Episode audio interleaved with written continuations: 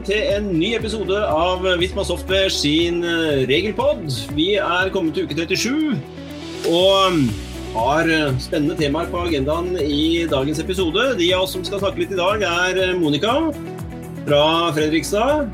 Der sitter òg Tormod og undertegnede som skal stå for underholdningen her. Vi eh, tenkte vi skulle snakke litt om covid-regler. og det Som noen vil eh, sikkert nå merke, er at vi gjør et annet type opptak enn det vi pleier å gjøre fra studio. Fordi vi har eh, gått på en potensiell deltaker her i Regelpodden som nå er ute og sjekker om han har fått covid. Og dermed så får vi bare holde oss på hvert vårt hjemmekontor og kjøre denne episoden herifra til vi får avklart det.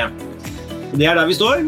På tematikken så Vi skal jo snakke om, eh, litt om oppdatering på disse covid-19-koronareglene. Det skjer noe stadig vekk, og vi, eh, vi er jo i ferd med å gå mot eh, en mer normal situasjon. og Det betyr jo at en del av disse reglene midlertidig er i ferd med å opphøre etter hvert. Som igjen gir en del datoer å forholde seg til, og, og, så vi skal prøve å skape en oversikt over det. Og så skal vi i tillegg skal vi ta for oss dette her med utlendinger som jobber i Norge. Og det vet du du har jobbet mye med, Tormod? Ja, litt rann, i hvert fall. Så jeg ja.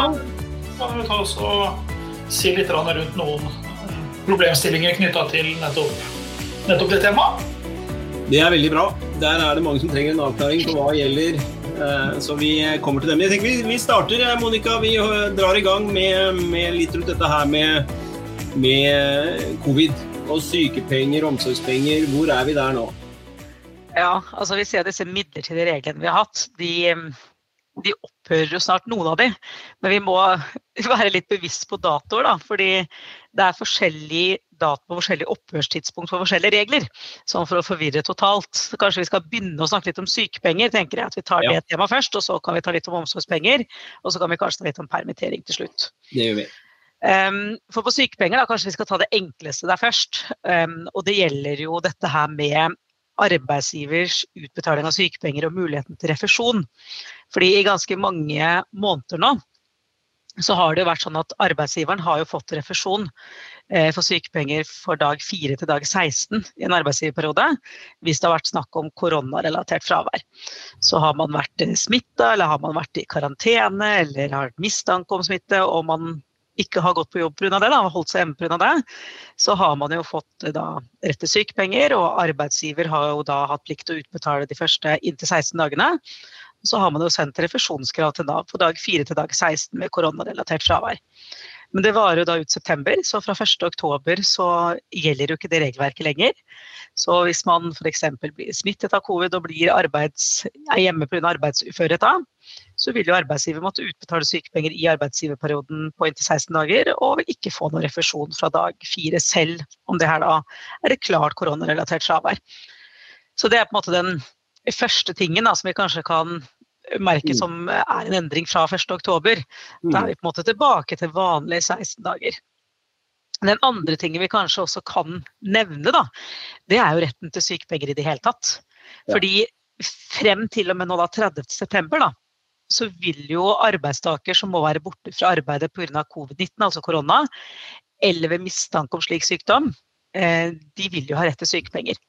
Og her har man jo på en måte fått denne oppfordringen f.eks. at hvis du eh, snufser litt, eller kanskje hvis du mister lukt eller smakssans, og hvis du mistenker rett og slett at du har covid-19, så skal du holde deg hjemme.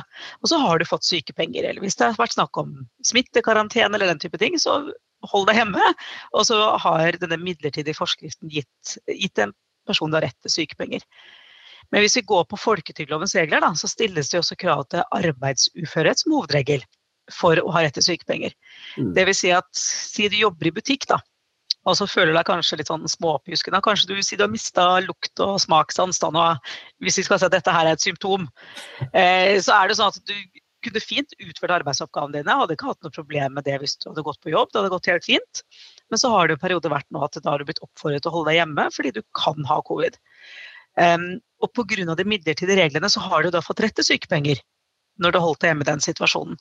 Men den regelen her forsvinner jo også. 1.10 oktober så opphører den. Og det vil jo da si at i de situasjonene som man mest sannsynligvis fortsatt oppfordres til å holde seg hjemme, så gir jo ikke den midlertidige forskriften eller regelverket oss i utgangspunktet rett på sykepenger. Så hvordan de skal håndtere det, det blir jo ganske spennende å se. For vi, vi må vel være såpass ærlige og si at vi, vi, vet jo ikke helt hvordan det blir. Det kan være at reglene forlenges, det kan være at de eh, tolkes på en måte at man får etter sykepenger likevel. Men det her er jo på en måte en usikkerhet vi ser. da ved at regelverket på disse midlertidige reglene her opphører nå eh, 1.10. Så det mm. skal bli litt spennende å, å følge med her på, på, hvordan de har planer om å håndtere det. Absolutt. Så det, mm. Så er det et valg. Vi har jo fått ny regjering. og Det blir jo spennende å se hva de gjør med disse reglene også, i forhold til forlengelse og, den biten. Så Jeg ser jo for meg at det kommer noe, kommer noe der òg. Ja, Men det var bra det var sykdom. Arbeidstakers egen sykdom. Eh, greit med en oppdatering og litt datoer der. Men hva når minstemann blir dårlig, da? Der er det vel et eh, mer tospora system og en par datoer der også? Ja, og Når det gjelder omsorgspenger, så er det egentlig to datoer som arbeidsgiver merker seg. og Det er 1.10 og så er det 31.12. Eh, fordi noen, noen, av de midlertidige reglene opphører 1.10, og noen av de varer altså ut året. Og De som opphører da 1.10, det er for det første muligheten til å være hjemme med barnet når skole og barnehage er stengt. Eh, og det andre er på en måte i situasjoner hvor barnet blir satt i, i karantene. Da. Her har vi jo i dag regler som gir arbeidstakerne rett til omsorgspenger i de situasjonene der, men de varer altså bare ut september. Så det vil si fra 1.10, hvis man f.eks. får beskjed om har et barn i si første klasse, da, og så av en eller annen grunn så blir klassen til dette barnet blir satt i karantene eller får hjemmeundervisning, altså har ikke anledning til å gå på skolen eh, pga. mistanke om covid-19 eller pga. smitte om covid-19, så vil man jo i den situasjonen ikke ha rett til omsorgspenger. Men det endrer jo ikke det behovet for fravær da, fra arbeidet som mange foreldre fortsatt vil ha i den type situasjoner. Men da må jo det løses på en annen måte. F.eks. ved at man tar ut eh, ferie, at man tar ulønnet permisjon. Altså det er jo avspasering, det er måter å løse det på, men da, omsorgspenger vil jo ikke være en stønad man har rett på i de situasjonene. Og så er det også en situasjon til som blir borte fra 1.10. Og det er jo slik at eh, det er jo flere barn som ikke har vært på skole og barnehage selv om skole og barnehage har åpna. Og det er jo situasjoner der det er særlig smittevernhensyn enten hos barnet eller hos noen barnet bor sammen med, eh, hvor man har hatt muligheten til å holde barnet hjemme og motta omsorgspenger. Og selv om man egentlig har brukt opp kvoten sin med omsorgspenger, så ville man jo fortsatt hatt rett på omsorgspenger så lenge behovet har vært der. Den regelen opphører også 1.10. Så det vil si at fra det tidspunktet der, så hvis foreldrene velger å holde barnet hjemme da, fra skole eller barnehage fortsatt pga. særlig smittevernhensyn, fordi Covid-19 er jo ikke borte, det er bare de midlertidige reglene som opphører. Men i den situasjonen da, så vil man ikke ha krav på, på omsorgspenger for å, å, være hjemme da, med barnet i den situasjonen der. Så mm, det kan jo bli problematisk da, for noen. Men eh, enn så lenge så er det slik det ser ut. Så det, det er det som gjelder til 1. oktober, da. Ja. Eh, og så er det 31. desember, som man også må forholde seg til. For noen av reglene forlenges ut året, eller varer ut året. Og det første er jo antall dager med omsorgspenger. For når vi kom på 1.1, så ble jo kvoten dobla. Altså sa at det antall dager med omsorgspenger du vanligvis har et år, det kan du gange med to i år. Og den doblingen den varer ut hele 2021 og er jo helt uavhengig av årsaken til behov for fravær. Så har man rett på omsorgspenger, så har man en dobbel kvote i 2021. Og det varer til med 31.12. da. Ja. Eh, den andre tingen gjelder dette med dokumentasjon. For når det gjelder dokumentasjon av fravær fra arbeid i forbindelse med omsorgspenger, så er jo den vanlige regelen da, i folketrygdloven det er jo at man kan bruke en egenmelding for fravær første tre kalenderdager. Og ved behov for lengre fravær, altså fra fjerde kalenderdag i fraværet, så kan arbeidsgiver og Nav kreve en legeerklæring for å dokumentere fraværet. Altså enten på at barnet eller barnepasser er syk. Og hvis det er Nav som dekker omsorgspenger fra dag én, det er jo noen situasjoner hvor det er aktuelt også, mm. så er jo utgangspunktet for folketrygdloven at man kan kreve en legeerklæring fra dag én. Men så har det jo ikke vært helt sånn i 2021. Eh, for her er Nav godt og sagt at i 2021 så er det ikke noe krav til legeerklæring. Har man rett til omsorgspenger da, så er gyldig dokumentasjon i 2021 det er egenmelding. Uavhengig av lengden på fraværet. Og det varer også ut året. Så det vil si at I hele 2021 så vil arbeidstaker kunne levere egenmelding som dokumentasjon for hele fraværet, uavhengig av fraværets lengde, så sant man har krav på omsorgspenger. Mm.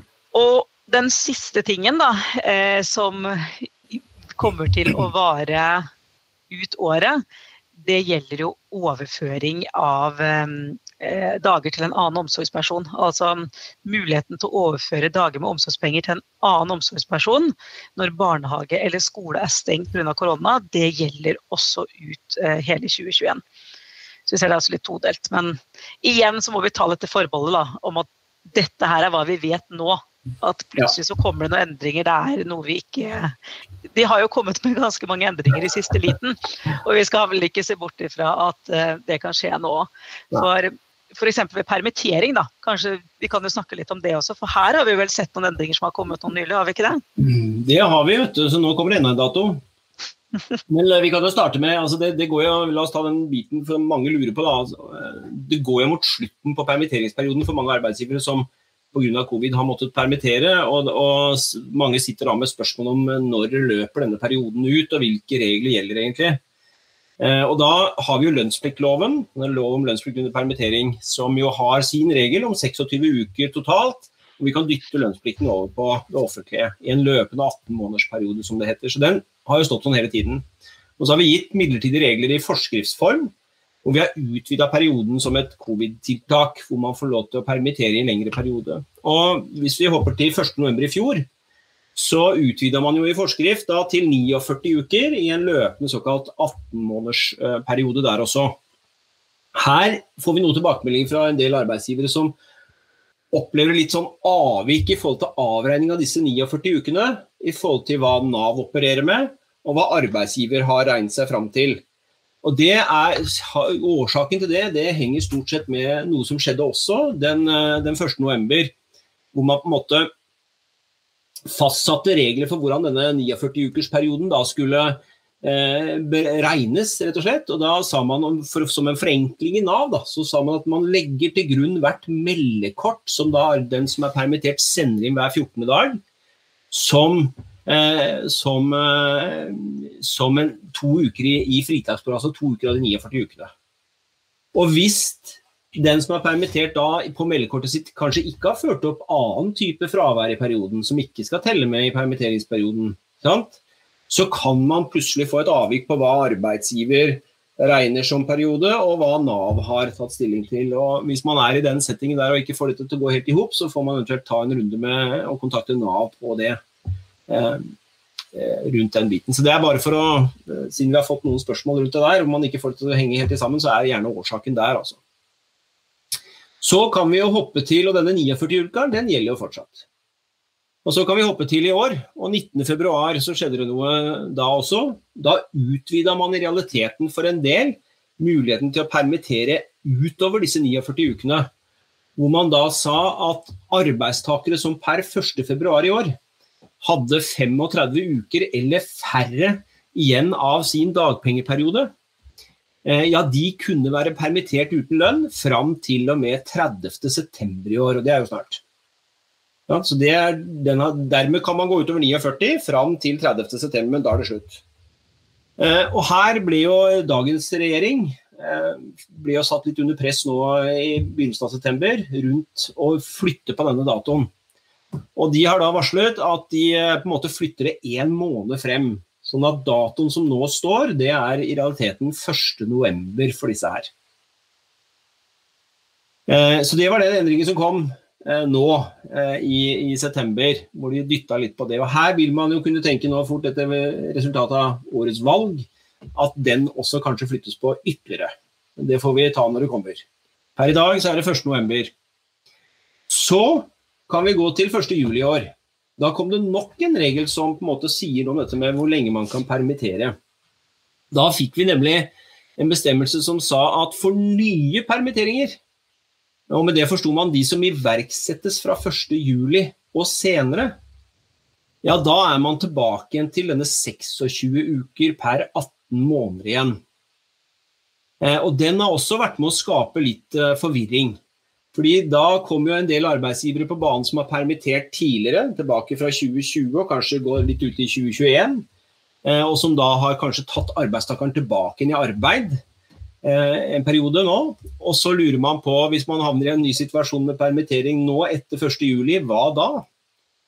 Og der er det sånn at hvis det er faktum, så får du nå faktisk 26 uker. Du starter med blanke ark så lenge permitteringen da på en måte starter etter 1.7.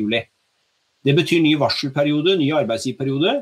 Eh, og så har man 26 uker. Så da legger man ikke sammen lenger. Da setter man en strek, så begynner man på nytt.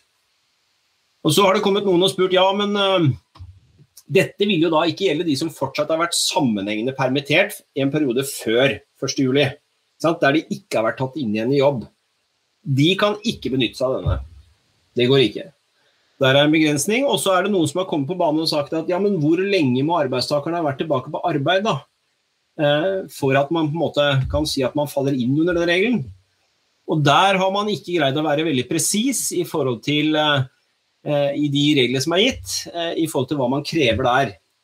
Og da er vel egentlig mantraet på det er at dette må vurderes konkret, og at man da vil se på Eh, varigheten på arbeidsperioden eh, generelt, eh, og om det er samme eller ny permitteringsårsak.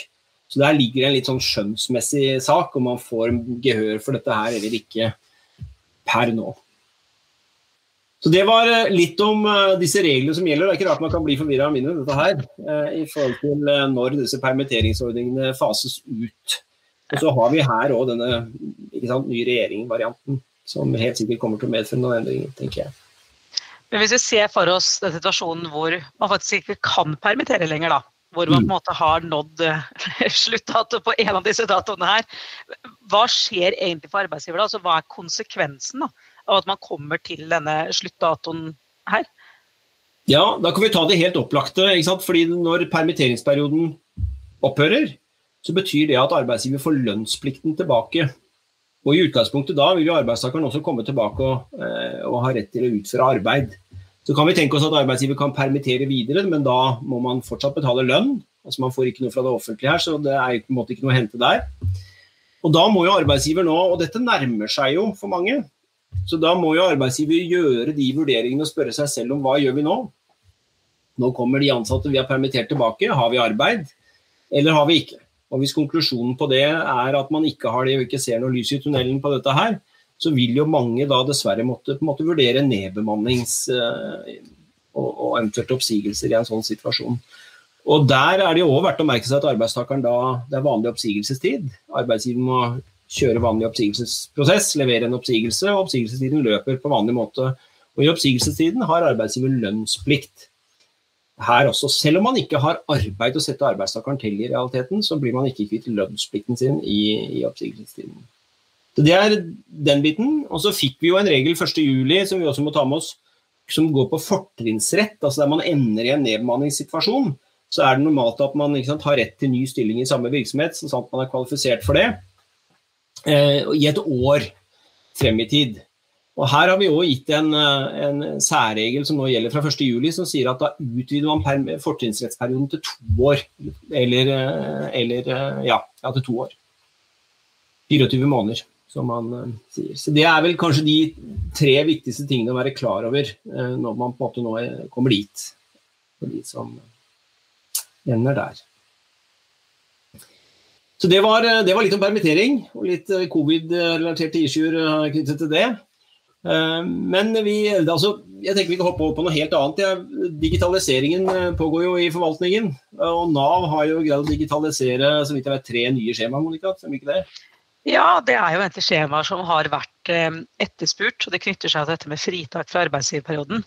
For nå har vi jo sett digitaliseringen av stadig flere skjemaer. altså av Inntektsmeldingen ble jo digital, sykemeldingen, søknad om sykepenger, refusjon av omsorgspenger så har jo diskusjonen gått på dette her med refusjon av eh, sykepenger for arbeidstakere som er fritatt fra arbeidsgiverperioden.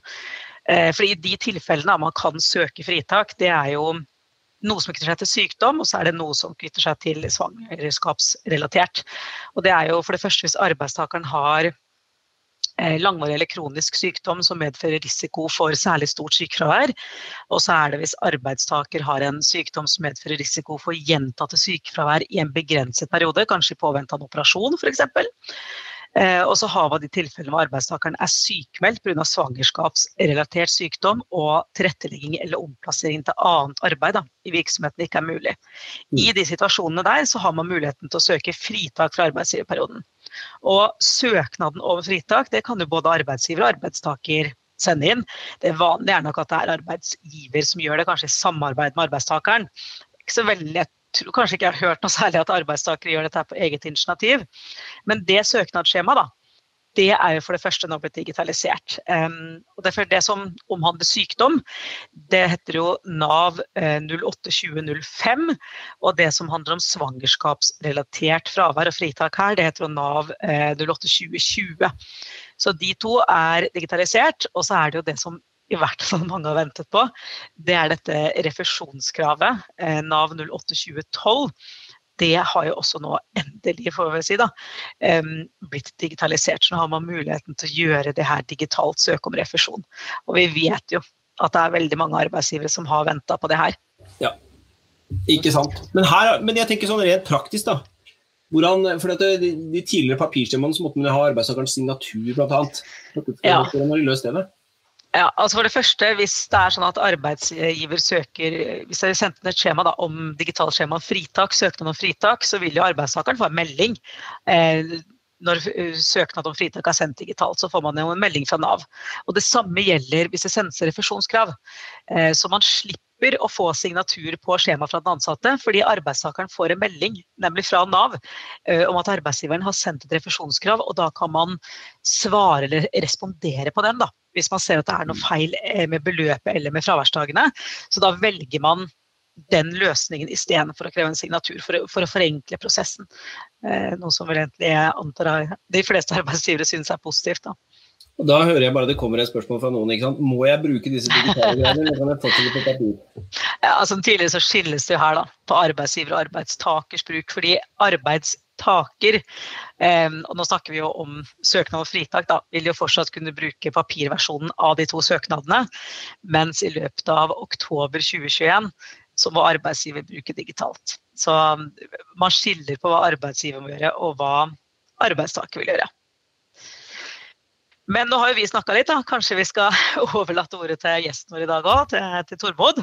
For um, vi tenkte vi skulle snakke litt om dette her, et tema som berører ma veldig mange, nemlig det her med utenlandsk arbeidskraft. Så kanskje vi skal la Tormod få slippe til litt? Ja, jeg tenker vi kan kjøre på. Jeg tror Dette har vi mye spørsmål om. Jeg vet Mange er opptatt av det, fordi vi bruker på en måte utlendinger som kommer til Norge ikke sant, for å utføre arbeid for meg som arbeidsgiver. Og Da er jo spørsmålet kan jeg bare la de starte å jobbe, og er det noen forskjell på hvor disse menneskene kommer fra? Ja, altså for det første så er det jo veldig vanlig at man da ansetter utenlandske personer nå. Det er jo det, er jo, det, er jo det og det er klart at det, eh, Disse utlendingene kommer jo til Norge, og de skal jo på en måte begynne å jobbe her. Eh, og det er klart at det, eh, hvor man kommer fra, vil jo ha litt betydning her. Eh, kommer man fra et nordisk land, så kan man jo komme til Norge og jobbe på vanlig måte. Eh, så må man eh, bare komme inn og må velge flytting og litt sånn type ting som det. Eh, kommer man fra EØS-land, EU, eh, e EØS-området, så vil man jo også kunne komme til Norge og eh, arbeide her. Da har man en registreringsordning hvor man må registrere seg hos politiet. Hvor arbeidsgiver da også må utstede noe ansettelsesbevis, slik at man da på en måte har med seg det som dokumentasjon til politiet når man skal ha dette registreringsbeviset. Mm. Eh, kommer fra andre land, altså utenfor EØS-området, altså fra Amerika, fra Asia, hva det måtte være for noe, så, så, har man jo ikke tilgang til Norge med mindre man har tillatelse. Eh, og når det gjelder arbeid, så må man jo da ha oppholdstillatelse uh, før man kan komme til Norge. Og så er det jo noen situasjoner hvor man da får lov til å komme til Norge før man har oppholdstillatelsen i orden. Eh, det som er viktig da, eh, tenker jeg, i forhold til eh, arbeidsgivere og, mm. ansettelse, det er jo at det, når det kommer fra nordiske land eller EØS-området, så kan jo de ansatte begynne å jobbe med en gang de kommer hit. Ja. Det er ikke noe problem. Men når det gjelder da de som kommer fra land utenfor EØS-området, så har ikke de lov til å arbeide før oppholdstillatelsen er i orden. Så hvis man har noen av de få tilfellene da, hvor man kan komme til Norge før tillatelsen er i orden, mm. så er det veldig viktig at de ansatte, de personene, ikke begynner å jobbe. Det er, det er, veldig viktig. Gjør man det, så bryter man jo reglene da, i utlendingsloven bl.a. Ja. Viktig tenker jeg, for arbeidsgiver også å være klar over dette her. Som ikke setter en person i gang da, uten at man egentlig har lov til det. Hva med skattekort, da, Tormod? Ja, skattekort. Ja, det må vi jo ha. Hvis jeg ikke har fått det ennå, kan jeg da begynne å jobbe? Hva sa du? Hvis jeg ikke har fått skattekortet mitt ennå, er jeg i en sånn situasjon, kan jeg da starte å jobbe likevel, eller? Ja, altså det kan du jo gjøre, i hvert fall hvis du er fra nordiske land, eller fra EØS-området, eller EU-området. Eh, disse fra land utenfor må jo ha oppholdstillatelsen i orden eh, før de kan begynne å jobbe. Eh, men det er klart at de som skal begynne å jobbe her, de må jo da ha skattekort. Eh, og de må jo da søke om skattekort. Og det er noen egne skjemaer på skatteetaten sine sider hvor man kan søke om det. Og Det er også kanskje greit å være klar over at eh, arbeidsgiver har også anledning til å søke om skattekort på vegne av den ansatte. Og Det er også egne skjemaer som man kan, kan fylle ut for det. Eh, og det, det, er jo viktig. Eh, hvis de ansatte da eh, begynner å jobbe, og har anledning til å begynne å jobbe før man har fått skattekort, så gjelder jo de alminnelige reglene. Dvs. Si at da må jo arbeidsgiver da trekke 50% skatt på, på lønna til disse, disse ansatte. Mm. Så det er unntak for det hvis man kommer ifra, ifra utlandet. Det er vanlige lønnsbeskrivelser som benyttes i en sånn situasjon, og det er ikke noe spesielt rundt det? Nei da, det er helt vanlig lønnsbeskrivelse, sånn som eh, lønna til deg og meg. Eh, sånn ja. sett. Eh, som, det er ikke noen tilleggsopplysninger eller noe, eller noe sånt noe her. Det som også kan være verdt å nevne, da, det er jo før man da på en måte får dette skattekortet, så må man jo også da møte opp på uh, skattekontoret får da ID-kontroll og uh, levere da søknaden om skattekort, med mindre den uh, er levert av arbeidsgiver på tidligere, tidligere tidspunkt. Så, så de må møte opp og foreta det som kalles ID-kontroll. altså Det må man gjøre. Men så tenker Jeg også, jeg har jo hørt om dette her med at når utenlandske ansatte kommer til Norge for å jobbe, så får de fleste det de kaller for kildeskatt. Mm. Eh, hva er det, og hva er på en måte må en arbeidsgiver passe på i den settingen? Er det noe spesielt der? Ja, altså De aller fleste som kommer til Norge og skal være i Norge en begrensa periode, og i en begrensa periode da, eh, betyr at de, eh, er i Norge uh, såpass kort da, at de ikke etablerer det som kalles skattemessig bosettelse i Norge. Da vil de aller fleste få en skattekort som kalles kildeskattekort. Og Det er egentlig en frivillig ordning. Eh, I utgangspunktet så er jo det skattekortet man får, men man kan jo også velge å få et ordinært skattekort. Eh, at man trekker skatt etter de alminnelige skattereglene. Eh, men velger man å stå i den kildeskatteordningen, så er jo det på en måte en, et skattekort som da er på 25% for de som da er trygda i, i Norge. Og det er da en endelig fastsatt skatt. Dvs. Si at når arbeidsgiver betaler lønn til den ansatte, Eh, og det trekkes eh, kildeskatt, så er det endelig, en endelig skatt. Det er egentlig ikke et skattetrekk, men det er en endelig fastsatt skatt på den inntekten. Uh, og Fordelene med den ordningen der er jo at man slipper å levere skattemelding når man kommer til året etter. Så man er på en måte ferdig med skatteoppgjøret sitt for hver enkelt lønnsutbetaling man da betaler til den ansatte. Ikke sant. Så skiller jo også den ordningen seg litt fra eh, de ordinære tilfellene. Da. Og i og med at dette her er et endelig fastsatt eh, skatteoppgjør, så gir man jo heller ikke da trekkfritak i eh, sånn som feriepenger, bl.a. Der må man da trekke full skatt. altså Det blir kildeskatt også på feriepengene når de utbetales. Mm. Selv om det i et ordinært uh, tilfelle ville vært trekkfritak for det, så er det ikke det i kildeskattordningen. Og så er det også sånn at lønn før jul, hvor uh, du og Monica får halvt skattetrekk, sånn som dere har råd til å kjøpe julepresanger, mm. uh, så gjelder jo ikke det for disse her. For der også må man jo trekke full skatt uh, i lønn før jul. Så det er jo ikke noen sånne fritak da. Nei. Nei. Og så er det egentlig én ting til som jeg også har lyst til å nevne da, i kildeskattebestemmelsene. Det er jo det at det, mange av de som kommer til Norge, har jo kanskje familien sin i hjemlandet. Eller at de har det som kalles hjemmet sitt da, i utlandet, og jobber i Norge. Og så pendler vi, altså reiser mellom disse da, to bostedene. Og da vil jo de veldig ofte kunne defineres som det vi kaller pendlere. Og Vanligvis er det sånn at når man faller inn under pendlersituasjonen, så kan jo arbeidsgiver dekke en del utgifter skattefritt. I hvert fall bolig og hjemreiser kan jo da dekkes skattefritt. Når det gjelder mat, så vil det være litt avhengig av hvor man bor hen. Men sånn i utgangspunktet så kan det dekkes eh, uten at man skal trekke skatt av disse ytelsene. Ja. Eh, Inni kildeskatteordningen så gjelder ikke det. Så det betyr at Hvis den ansatte får dekket pendlerkostnader, så må det også trekkes skatt av disse, disse pendlerutgiftene som arbeidsgiver betaler. Praktisk viktig, tenker jeg. Ja, det er det. Og så er det jo litt viktig da, kanskje også, også, også, også regne litt på dette her, hva som lønner seg. Det kan jo være situasjoner hvor det kanskje lønner seg å være i det alminnelige skattesystemet øh, og få dekket sånne typer utgifter skattefritt. Men det blir jo da et øh, konkret regnestykke i øh, det enkelte ja. tilfellet. Altså det gjør det. Men så tenker jeg rapporteringsmessig, da. Um, hvis du får lov til å begynne å jobbe når du kommer til Norge, men du har ikke fått noe F-nummer og du har ikke noe D-nummer ennå hva har det ja, er det sånn at det er lønn for arbeid som utføres innenfor norske, norske grenser, det skal jo alltid rapporteres.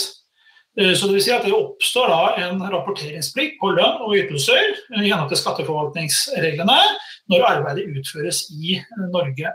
Eh, og det er ikke noe unntak for sånne sånn i utgangspunktet.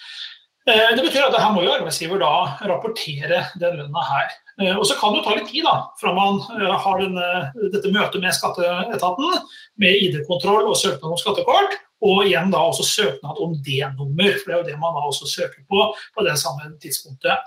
Mm. Eh, så kan det gå litt tid her, og i mellomtiden så kan det jo være at den ansatte får det. Og Da må man jo da rapportere dette her. og det man gjør Da er at da må man jo rapportere lønna til den ansatte på det som kalles internasjonal ID-faktor. Og, og, det typiske der er jo passnummeret til den ansatte, som man må legge inn i systemet, som da er en del av personopplysningene. Og så må man da uh, rapportere på det. Ja. Og så må man jo da, den dagen den ansatte får det nummeret eller fødselsnummeret, hvis man skal være eh, i Norge så lenge at man blir uh, bosatt her, så, så, må man jo da oppdatere det i lønnssystemet. Mm. Og i den neste avmeldinga da, så sender man på en måte begge opplysningene, både internasjonal eh, ID og uh, fødselsnummer eller D-nummer. Mm. Uh, og da skjønner skatteetaten at dette her er samme person, og da blir jo det på en måte mercha sammen. Og fra det tidspunktet så rapporterer man kun da på det som er det gyldige nummeret, altså D-nummeret eller fødselsnummeret. Så man, har jeg, jeg, jeg har én ting til. Jeg tenker på AGA, arbeidsgiveravgift oppi det hele. Der er det vel òg noe antagelig? Ja da, det er helt riktig det. For det vil si at Kommer man til Norge og lønna som utbetales skal rapporteres, så trigger de også arbeidsgiveravgiften. Det er jo litt sånn spesielt når det gjelder arbeidsgiveravgift, fordi at plikten til å betale arbeidsgiveravgift det følger jo ikke av skattereglene, på en måte, av skatteplikten, men det følger jo av at man faktisk skal rapportere lønna. Så skal man rapportere lønna, så skal man også betale arbeidsgiveravgift. Så det betyr at når man da får utlendinger som kommer til Norge, de begynner å jobbe her, lønna rapporteres, så blir det også arbeidsgiveravgift da som en hovedregel. Ja. Det gjør det. Men uh, der er det også noen fritak, som kan være greit å nevne. fordi at ja. uh, Trygdereglene, bl.a. EØS-regelverket og den trygdeforordningen innenfor EØS, regulerer jo på en måte også da, hvilke land den ansatte skal være medlem i man skal være medlem da i arbeidslandet, som da i dette tilfellet er Norge, eller om man fortsatt skal være medlem i hjemlandet. Eh, og Det bør avklares, spesielt ved litt kortvarige forhold. Og kanskje der hvor den ansatte jobber litt både i Norge og muligens også sitter hjemme og jobber for kanskje den norske arbeidsgiveren, så bør man jo avklare hvor man er trygda hender. Eh, og Det kan jo medføre faktisk at den ansatte eh, opprettholder trygdemedlemskapet i hjemlandet sitt. Så hvis man da er en svenske, og man på en måte er medlem av Forsikringskassan i Sverige, også under arbeidsopphold i Norge, så vil jo da hjemlandets trygdemyndigheter utstede en bekreftelse på det. Og det er en bekreftelse som kalles A1-skjema. Mm. Og det A1-skjemaet må jo tas med til Norge, og det gir jo grunnlag for fritak fra norsk trygd. Da får en ansatte et skattekort da, uten innbakt trygdeavgift, Mm. dvs. Si litt lavere skattetrekk. Eh, også litt lavere kildeskatt, hvis det er det som eh, den ansatte har. Eh, og så vil det være også et grunnlag for arbeidsgiver til å få fritak for arbeidsgiveravgift i Norge. Så med bakgrunn i det skjemaet så kan arbeidsgiver da unnlate å betale norsk arbeidsgiveravgift. Men der er det en liten fallgruve der òg, bare for å ta den før vi gir oss. Fordi at Når man da er medlem i et annet lands trygdeordning, så kan det være at det landet også har trygdeavgifter. Og også da arbeidsgiveravgifter. da, ikke sant? Mm. Og Det klassiske eksempelet er jo Sverige, som da har arbeidsgiveravgifter. Så hvis du har en svenske som jobber i Norge, hvor vedkommende opprettholder trygdemedlemskapet sitt hjemme i Sverige, så er jo den norske arbeidsgiveren forplikta til å betale eh, svensk arbeidsgiveravgift. Og den er jo litt eh, varierende, og den er jo gjennomgående en del høyere enn i Norge. Yep. Norge har 14,1 arbeidsgiveravgift, og i, i Sverige så har vi da opp mot 32,1 eller annet i arbeidsgiveravgift på full arbeidsgiveravgift. Den er litt differensiert der borte, eh, sånn sett, kan være litt forskjellig, men, men eh, den høyeste satsen deres er over 32 Da Så det, det er, det er eh, litt viktig å være klar over, da. Så, Absolutt. men her er det også trygdemyndighetene som bestemmer da hvor vedkommende skal være medlem. Ja, Så du kan ikke velge, på en måte? Nei, I utgangspunktet så kan man ikke det. Eh, Nei. Vi har hatt noen eksempler på det tidligere fra noen år tilbake, hvor det har vært utenlandske personer i Norge og jobba. Og så har svenske trygdemyndigheter funnet ut av det og, og konkludert med at det, man skulle vært medlem av svensk eh, trygd, altså Forsikringskassene i Sverige, og så har man sendt da en regning til den norske arbeidsgiveren. Ja. Det er klart at Den er litt eh, sur å få sånn i etterkant. Definitivt. Så jeg tenker den er, den er grei å sjekke ut i forkant. Det er det. Da vil man jo selvfølgelig få fratrekk og tilbakebetalt den norske arbeidsgiveravgiften, men eh, det er klart at, eh, at man vil jo da få, få, få plikt til å betale svensk arbeidsgiveravgift. Så det er, det, det er det, altså. Vi har vel også noen offisielle sider så på en måte for de som vil bruke det offentlige til å skaffe seg mer info rundt dette temaet. Det ligger vel noe Ja. ute på UD, UDI har vel en veiledningstjeneste rundt dette her? Ja, I forhold til tilgangen til Norge og på en måte oppholdstillatelse og anledning til å arbeide i Norge, så er det jo UDI sine sider som er, som er eh, stedet å lete. Eh, og der er det jo blitt veldig bra med åra. Man kan gå inn og også, også søke på hvilket land man eh, kommer ifra, og hva man skal gjøre i Norge. Og så får man en veileder eh, på dette her for hvordan man skal, man skal eh, søke bl.a. både oppholdstillatelse, registreringsbevis og disse tingene der. Og der står det også hvilken eh, dokumentasjon man skal, eh, skal levere med disse ulike, ulike søknadene. Mm. Så det har blitt ganske gode sider, altså, rett og slett, disse sidene der. Veldig bra. Ellers så vet jeg det ligger eh, gode artikler om temaet ute på Visma sin, eh, sin community. Det er lagt ut artikler både på covid-reglene og på dette her temaet som du snakker om nå, Tormod, som eh, også er et sted å gå for å, å lese mer. Ja da, han gode Ivar har jo senest nå for ikke så mange dager siden lagt ut en, eh, en eh, ganske oversiktlig artikkel på Community, på HR Lønn-sida der. Ja, Det er, det, er, det er en god artikkel. Så, så der følger også jeg med, selv om ikke jeg jobber i Visma lenger. ja det er bra. Det er veldig bra. Jeg tenker at eh, det får være oppfordring det, til, for de som ikke, hvor alt nå sitter krystallklart og trenger å på en måte ta en liten sjekk, så ligger det, ligger det bra artikler ute på, på community under lønn og HR-biten der. Så Det ta en titt der. Ellers er det bare, ja, absolutt. Mm. Jeg tenker det var eh, mye god informasjon på eh, denne episoden av eh, Regelpodden. Så må jeg få takke deg, Tormod, for at du deltok som gjest i dag òg. Takk for det. Hyggelig. så vi må bare dra deg med flere ganger. Veldig bra. Takk til deg, Monica, for glimrende oppdatering på covid. Og så runder vi av der. Takker for dagens eh, til alle lytterne våre, og vi er tilbake om 14 dager med nye spennende temaer. Takk for i dag. Ha det bra.